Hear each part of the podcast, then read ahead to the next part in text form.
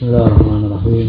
إن الحمد لله نحمده ونستعينه ونستغفره ونعوذ بالله من شرور أنفسنا وسيئات أعمالنا. من يهده الله فلا مضل له ومن يضلل فلا هادي له. وأشهد أن لا إله إلا الله وحده لا شريك له. وأشهد أن محمدا عبده ورسوله. يا أيها الذين آمنوا الحق يا أيها الذين آمنوا اتقوا الله حق تقاته ولا تموتن إلا وأنتم مسلمون. يا أيها الناس اتقوا ربكم الذي خلقكم من نفس واحدة وخلق منها زوجها وبث منهما رجالا كثيرا ونساء واتقوا الله الذي تساءلون به والأرحام إن الله كان عليكم رقيبا. يا أيها الذين آمنوا اتقوا الله وقولوا قولا سديدا يصلح لكم أعمالكم ويغفر لكم ذنوبكم ومن يطع الله ورسوله فقد فاز فوزا عظيما. أما بعد إخواني في الدين رحمكم الله Alhamdulillah pada kesempatan ini kita bisa bertemu di masjid ini. Dalam suatu majelis ilmu yang semoga diberkahi oleh Allah Subhanahu wa taala. Ikhwan fillah rahimakumullah. Seseorang datang kepada Rasulullah sallallahu alaihi wasallam dan dia berkata, Ya Rasulullah, dullani ala amalin Iza amiltuhu ahabbani Allah wa ahabbani nas Wahai Rasulullah, tunjukkan kepadaku suatu amalan. Bila aku melakukan amalan itu Allah akan mencintai aku Dan manusia pun mencintaiku. Nabi mengatakan Izhad di dunia yuhibbukallah wazhad fima 'indan nas yuhibbukan nas zuhudlah kamu terhadap dunia. Niscaya Allah akan mencintai kamu. Dan zuhudlah kamu pada apa yang dimiliki manusia. Tidak mengharap-harap dari mereka yuhibbukan nas. Maka manusia pun akan suka kepadanya. Telah terdapat riwayat ini dalam Sunan Ibnu Majah dan disahihkan oleh Syekh Al-Albani rahimahullah.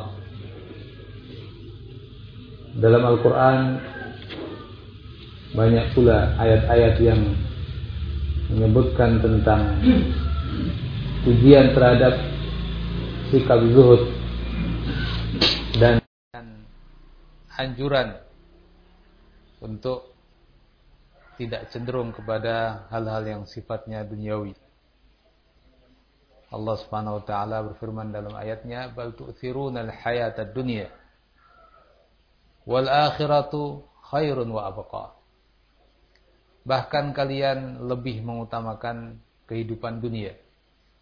Padahal akhirat itu khairun wa abqa, lebih baik dan lebih kekal.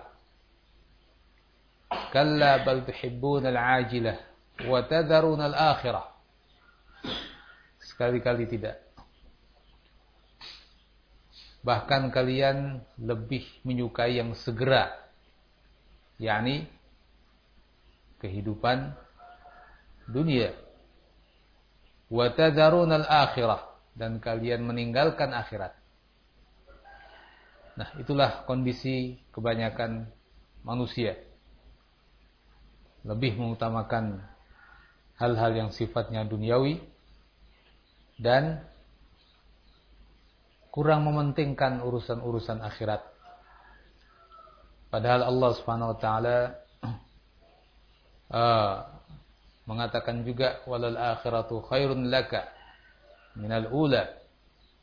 Dan sungguh akhirat lebih baik daripada al-ula yang pertama daripada dunia. Maka dalam hadis yang tadi kita baca menegaskan bahwa pentingnya seorang itu memiliki sifat zuhud pada dirinya. Namun apa yang dimaksud dengan zuhud? Banyak orang menyalahpahami tentang makna zuhud. Sebagian mengira bahwa zuhud adalah seorang yang sama sekali tidak memikirkan urusan duniawinya. Seorang yang tidak uh, peduli dengan urusan duniawi. Tergambar bahwa seorang yang zahid, seorang yang zuhud adalah yang pakaiannya uh, pakaian orang miskin tidak punya kekayaan sedikit pun kotor, kumuh, atau bahkan sudah bertambal-tambal, ya, rambutnya tidak terurus, bau badannya juga sama sekali tidak tercium darinya bau harum, bahkan lebih kepada bau yang tidak sedap.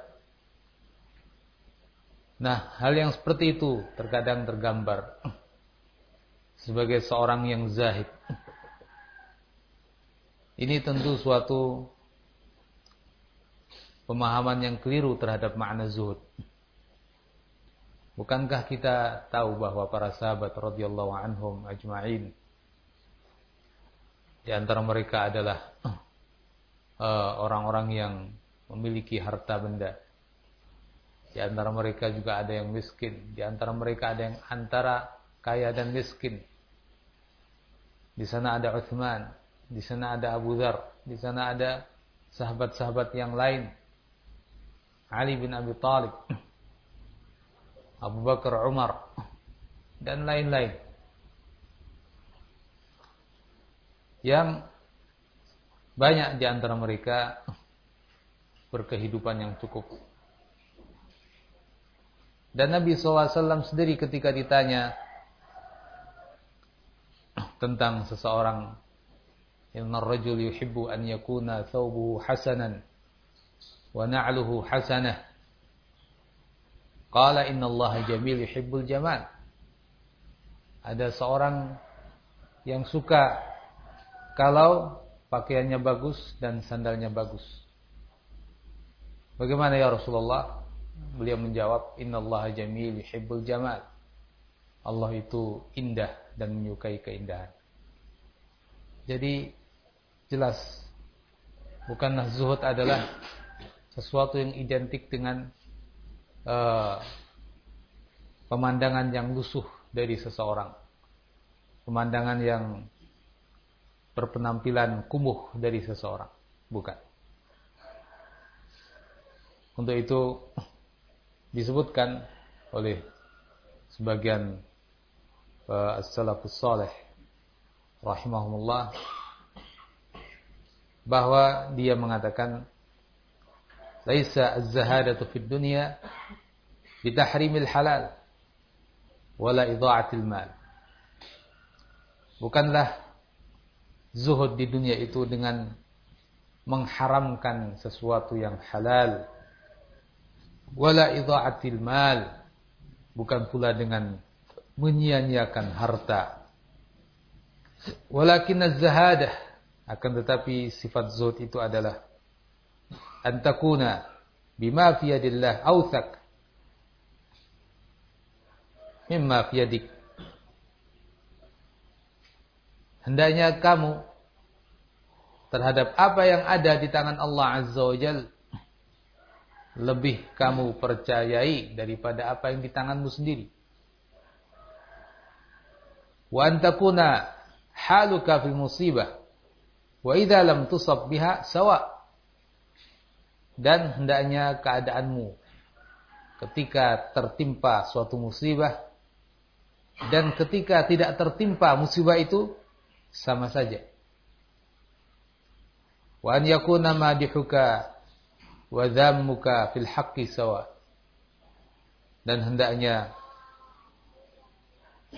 bagimu orang yang memuji kamu dan mencela kamu saat kamu berbuat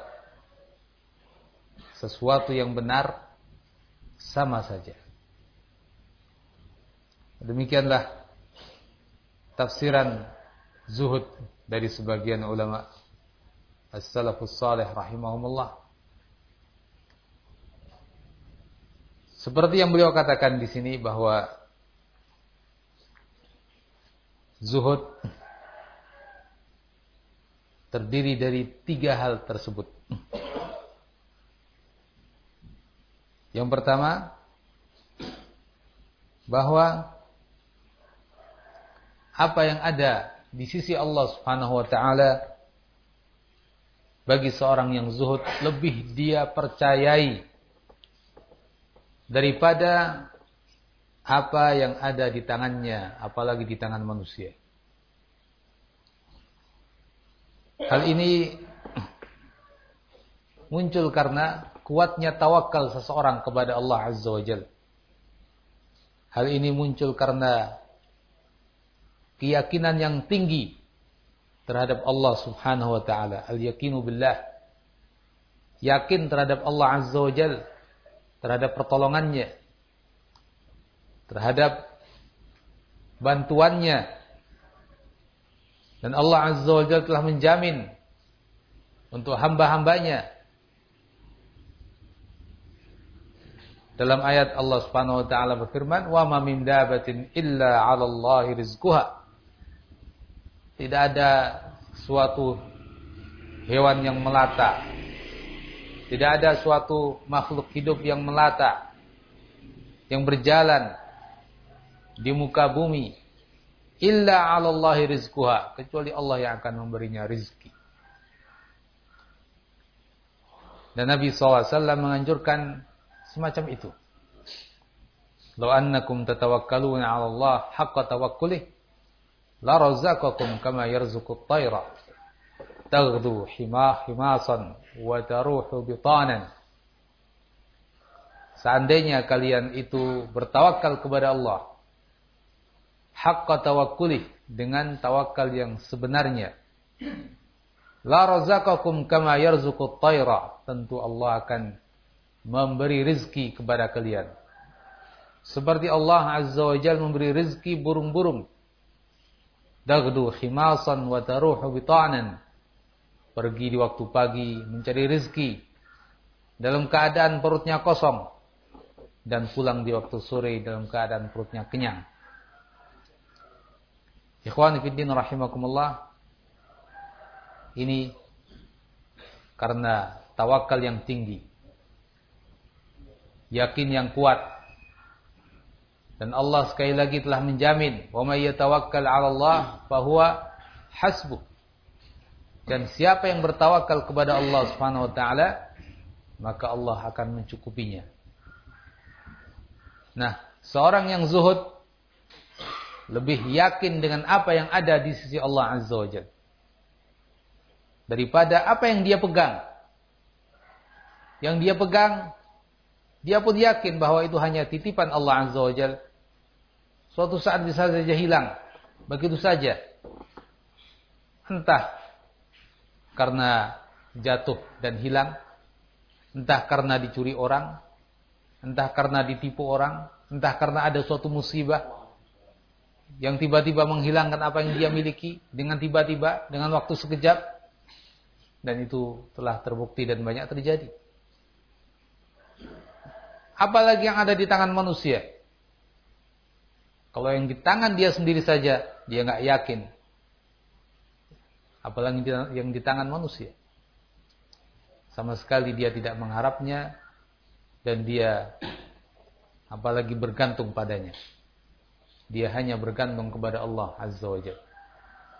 Sungguh perumpamaan Nabi SAW dalam bab tawakal dengan tawakalnya seekor burung ini suatu perumpamaan yang uh, penuh dengan ibrah, penuh dengan pelajaran bagi kita semua.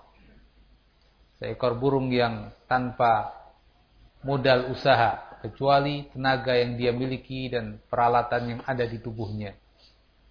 Ternyata tiap hari dia mendapatkan rezeki dan tidak pernah dia menyimpan rezeki. Nah, ini menunjukkan rasa tawakal yang tinggi kepada Allah Subhanahu wa taala. Ikhwani fillah rahimakumullah, bahkan dulu Imam Ahmad rahimahullah pernah mengatakan asarru ayyami ilayya yawma usbihu wa laysa indi syai' hari yang paling menyenangkan bagiku adalah ketika aku masuk di waktu pagi dan ketika itu aku tidak punya apa-apa. Luar biasa. Ini betul-betul seorang imamun zahid. Seorang imam yang betul-betul zuhud dan tawakal kepada Allah Azza wa. Sulit sekali mencapai tingkatan yang seperti itu. Karena kondisi yang ada justru sebaliknya. Ketika orang masuk di waktu pagi dan tidak punya apa-apa, justru itu saat yang paling gelisah. Apa yang akan saya makan di hari ini? Apa yang akan saya berikan untuk keluarga saya? Saya mesti bekerja apa? Bingung, gelisah. Tapi justru Imam Ahmad rahimahullah mengatakan itu justru asarru ayyami. Hari yang paling membahagiakan aku. Mungkin wallahu alam beliau di saat-saat seperti itu akan muncul dari beliau rasa tawakal yang tinggi kepada Allah Subhanahu wa taala. Ya. Ketika seorang di waktu paginya telah tercukupi kebutuhannya. Barangkali seseorang akan uh, bertumpu pada apa yang dia miliki. Terkurangi tawakalnya kepada Allah. Dan itu pada umumnya.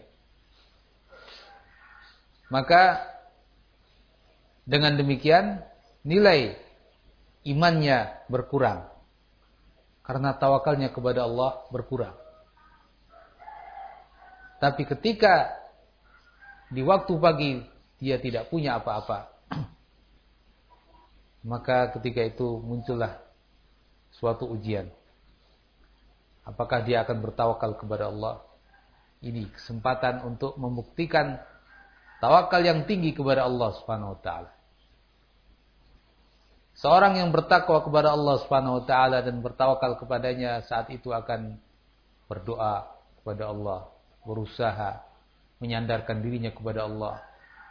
Akan tumbuh berbagai macam ibadah qalbiyah paling tidak dalam dirinya sehingga di hari itu punya nilai iman yang lebih tinggi punya nilai tawakal yang lebih besar bersandar kepada Allah lebih daripada hari-hari yang lain nah mungkin itu yang dimaksud dengan Imam Ahmad rahimahullah Al-Fudail bin Iyad rahimahullah juga mengatakan al-qanu' huwa zahid. Seorang yang qanaah dialah seorang yang zuhud. Merasa cukup dengan apa yang Allah beri. Bertawakal kepadanya. Tidak bergantung kepada apa yang dimiliki manusia. Tidak bersandar kepada mereka. Tapi senantiasa bersandar kepada Allah subhanahu wa ta'ala.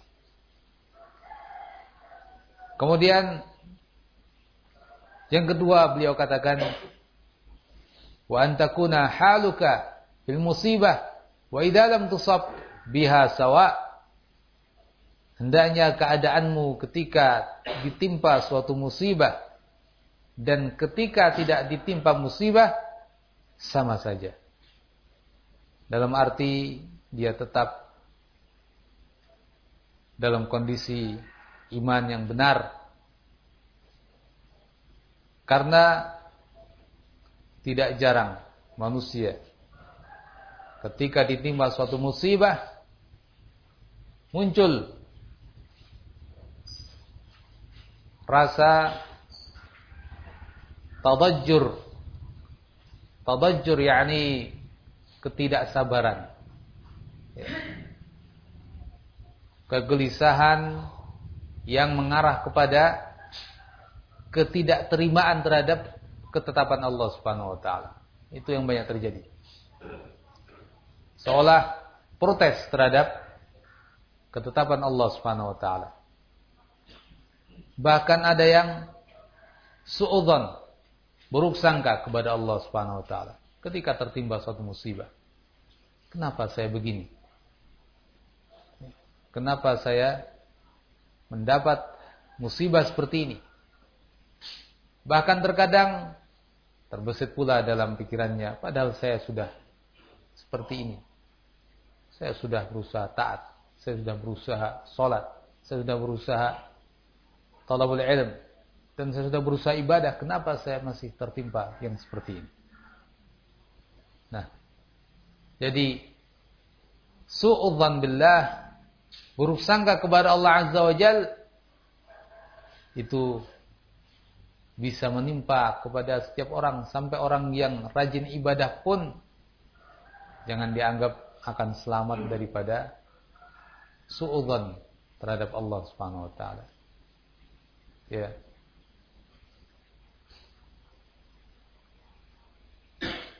Dikatakan oleh uh, atau disebutkan oleh Ibnu Qayyim rahimahullah fa in tanju minha tanju min dhi 'azimatin wa inni la ikhaluka najiyah kalau kamu bisa selamat daripada suudzon terhadap Allah betul-betul tidak pernah ada ya suudzon terhadap Allah azza wajal kamu betul-betul betul-betul selamat dari sesuatu yang sangat besar Wa innila ikhaluka najia. Tapi ya, saya kira kamu tidak akan bisa selamat. Pasti akan ada saat-saat tertentu. Karena kelemahan kita ada sifat protes kita. Kenapa begini? Suatu saat kena yang lain, kenapa begini? Betul-betul sulit untuk insyirahus sadr. Dada yang betul-betul lapang terhadap semua yang Allah Subhanahu tetapkan. Ya. Maka dari itu ternyata seorang yang betul-betul zuhud itu tidak mudah. Untuk merasa senantiasa pasrah kepada Allah Subhanahu wa taala, senantiasa lapang dada terhadap ketetapan Allah Subhanahu wa taala. Senantiasa sabar terhadap ketetapan Allah Subhanahu wa taala. Dalam kondisi apa pun terkena musibah ataupun tidak ternyata itu tidak mudah. Ya ternyata itu tidak mudah oleh karena itu ikhwan fillah rahimakumullah zuhud yang hakiki ya, itu berat Kemudian dikatakan pula yang ketiga wa an yakuna madihuka wa zammuka fil haqqi sawa. Kamu dikatakan zuhud ketika orang yang memuji kamu dan mencela kamu saat kamu berbuat yang benar bagimu sama saja. Karena dia berbuat lillahi ta'ala karena Allah Subhanahu wa taala. Berbuat bukan karena manusia. Berbuat bukan karena mencari ridha manusia dan pujian mereka. Dia melakukan yang benar karena Allah untuk Allah dan Allah yang dia perhatikan. Bukan manusia. Sehingga ketika dia berbuat yang benar ada yang mencela dia tidak mengurangi semangatnya. Ketika dia berbuat yang benar orang memusuhi dia tetap saja la yadurruhu man khadalahum. Man khadalahu. Tidak mencelakakan dia orang yang tidak mau membantu dia. Ya. Tetap saja. Berusaha untuk berbuat yang hak, yang baik, tidak berpengaruh mereka yang mencela. Begitu pula orang yang memuji. Tidak gara-gara dipuji akhirnya dia bersemangat karena pujian tersebut bertambah amalnya disebabkan dipuji.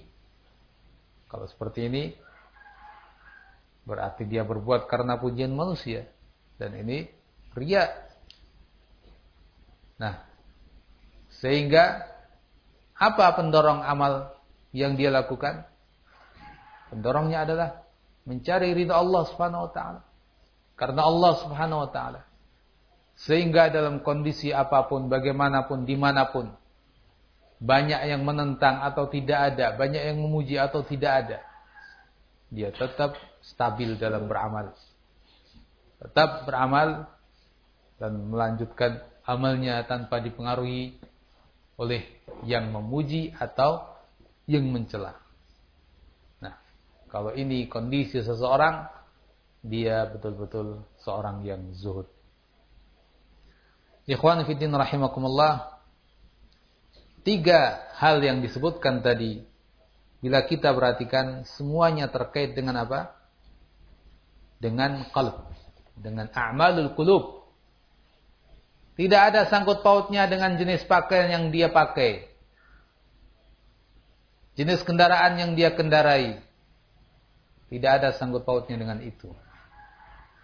Bisa jadi yang dia pakai pakaian yang bagus. Bisa jadi yang dia pakai kebetulan adanya pakaian yang uh, seadanya. Tidak ada sangkut pautnya dengan penampilan lahiriah. Semua dari tiga itu terkait dengan apa? A'malul qulub, amal qalb. Yang pertama, al-yakin billah yang tinggi, yakin kepada Allah yang tinggi. Tawakal kepada yang tinggi, letaknya dalam kalbu seseorang. Yang kedua, sabar dan insyirahus sadar. Kesabaran dan kelapang dada, uh, kelapangan dada ketika tertimpa musibah. Itu juga letaknya dalam kalbu seseorang. Keikhlasan karena Allah subhanahu wa ta'ala dalam beramal. Yang memuji, yang mencela. Ya ada pengaruh baginya. Juga letaknya dalam kalbu seseorang. Itulah zuhud yang hakiki. Oleh karenanya sebagian ahli hikmah juga mengatakan la tashhad li ahadin bizuhd fa inna zuhda fil qalb. Jangan sekali-kali kamu bersaksi orang ini orang zuhud. Tidak sembarangan. Kenapa? Karena zuhud yang hakiki fil qalb. Dalam kalbu seseorang. Ya, mungkin nampak orang itu seperti yang tadi kita sebutkan kehidupannya begitu memprihatinkan. Pakaiannya, rumahnya, kendaraannya. Apakah kita bisa menjamin dia seorang yang zuhud? Tidak bisa kita jamin. Karena banyak orang fakir dan sebetulnya dia nggak nerima dengan kefakirannya. Ya. Dalam kalbunya terdapat tadi suudzon billah Betapa banyak orang seperti itu. Begitu pula seorang yang sebaliknya. Orang yang mungkin berpakaian yang baik. Kita katakan, oh bukan orang yang zuhud. Orang yang kaya raya, bukan orang yang zuhud. Dari mana kamu tahu? Zuhud bukan letaknya di penampilan luar. Uthman bin Affan, zuhud atau tidak? Tentu boleh seorang yang zuhud. Ya. Padahal bila seorang yang kaya raya. Nah. Jadi sulit untuk kita betul-betul bisa memberikan vonis yang tepat kepada seseorang bahwa dia adalah seorang yang zuhud atau tidak zuhud. Karena zuhud lebih pada amalul qulub. Ya, amal dalam kalbu seseorang. Ya. Barangkali kalau sekedar kita uh, berprasangka atau sekedar kita berharap bulan nampaknya dengan sekian bukti yang kita miliki mungkin termasuk orang yang zuhud itu mungkin sekedar kita memperkirakan tapi untuk memastikan kita tidak bisa ya Bahkan kita terhadap diri kita sendiri kita tahu bahwa kalbu kita berbolak-balik. Memang begitu kondisi kalbu seseorang. Kadang ya betul-betul uh, pasrah, kadang muncul godaan syaitan sehingga berubah lagi. Jadi kalbu seseorang, diri kita sendiri kita rasakan berubah-ubah. Begitu pula yang lain. Nah, sehingga seperti yang dikatakan tadi tidak mudah untuk mengatakan bahwa seorang itu zuhud karena zuhud yang hakiki fil qalb ya ada dalam kalbu seseorang. Ahibati fillah rahimakumullah. Nah, inilah pentingnya tadi al-yakin billah. Ammar diriwayatkan dari Ammar bin Yasir radhiyallahu anhu beliau mengatakan kafa bil mauti wa'idha wa kafa bil yakini gina wa kafa bil ibadati syughla cukuplah kematian sebagai nasihat buat kita. Cukuplah rasa al-yakin, keyakinan terhadap Allah Azza wa Jal. Ghina sebagai kekayaan bagi kita. Wa kafa bil ibadati syughla dan cukuplah ibadah sebagai kesibukan kita. Ibn Rajab Al-Hambali rahimahullah mengatakan Faman haqqaqal yakin wasiqa billah fi umurihi maka barang siapa yang betul-betul mewujudkan rasa yakinnya kepada Allah wasiqa billah fi umurihi kulliha dia percaya kepada Allah bersandar kepadanya pasrah kepadanya dalam segala urusannya. Wa radiya bitadbirihi lahu ridha dengan segala ketetapan Allah Subhanahu wa taala untuknya. Wa qata'a anit ta'alluq bil makhluqin. Dan ia memutus dirinya dari ketergantungan terhadap makhluk-makhluk. Rajaan wa khaufan. Baik dalam mengharap maupun rasa takut wa mana'ahu min talabid dunya bil asbabil makruhah makruha lalu hal itu membuatnya menjauhi pencarian dunia dengan sebab atau cara yang dibenci syariat. Maka kadzalik kana zahidan. Orang yang seperti itu kondisinya dialah orang yang zuhud di dunia terhadap dunia hakikatan dengan zuhud yang hakiki. Wa kana min aghnan nas wa illam yakun lahu syai'un fid dunya. Dan dia adalah orang yang paling kaya walaupun dia tidak memiliki apa-apa di dunia. Itu kaya yang hakiki, itu kaya yang hakiki menurut syariat. Karena Nabi SAW mengatakan apa? Al-ghina, ghina nafs. Kekayaan yang hakiki adalah kekayaan jiwa kita. Tidaklah kekayaan diukur oleh harta benda. Dalam syariat ini, kekayaan tidak diukur oleh harta benda. Banyak orang yang kaya dan rakus, nggak pernah puas. Pengen lagi, pengen walaupun dia punya dua lembah emas, pengen yang ketiganya. Apakah yang seperti itu tetap dikatakan kaya? Dia orang yang sangat miskin. Tidak punya al-yakin billah. Ya, kaya di mata manusia. Miskin di sisi Allah Subhanahu wa taala. Jadi kaya yang hakiki adalah seorang yang memiliki al-yakin billah. Keyakinan yang tinggi terhadap Allah, tawakal sepenuhnya kepada Allah. Ya. Itu kaya yang hakiki. Agnan nas wa illam yakun lahu syai'un fid dunya dia orang yang paling kaya walaupun tidak punya apa-apa di dunia ini.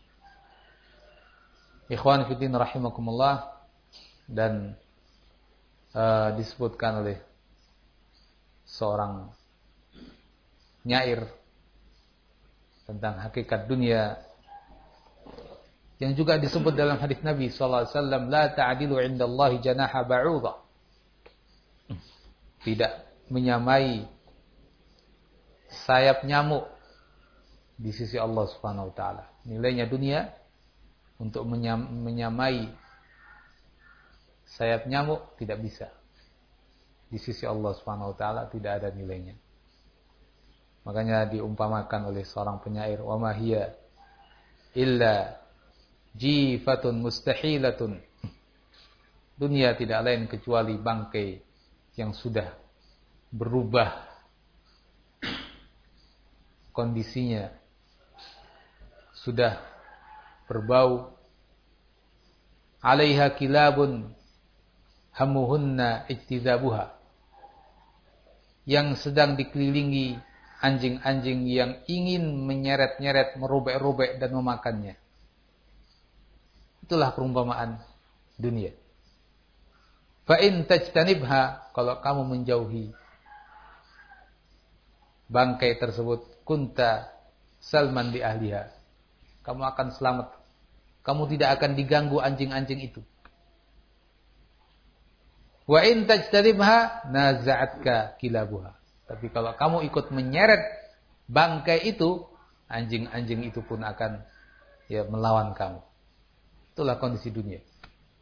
Ya. Seperti yang dikatakan ini. Betul-betul seperti yang dikatakan seorang penyair tadi. Demikianlah hibati fillah rahimakumullah. Semoga Allah Azza wa Jalla senantiasa mengaruniakan kepada kita untuk selalu memprioritaskan akhirat kita daripada dunia kita. Dan untuk kita menjadi orang yang senantiasa bersyukur kepada Allah Azza wa Jalla atas segala pemberian Allah kepada kita. Bersabar terhadap apa yang Allah tetapkan dari ketetapan-ketetapannya. Selalu pasrah dan tawakal kepadanya cukup sampai di sini dulu semoga bermanfaat subhanakallah wa bihamdik asyhadu an la ilaha illa anta astaghfiruka wa atubu ilaik alhamdulillah rabbil alamin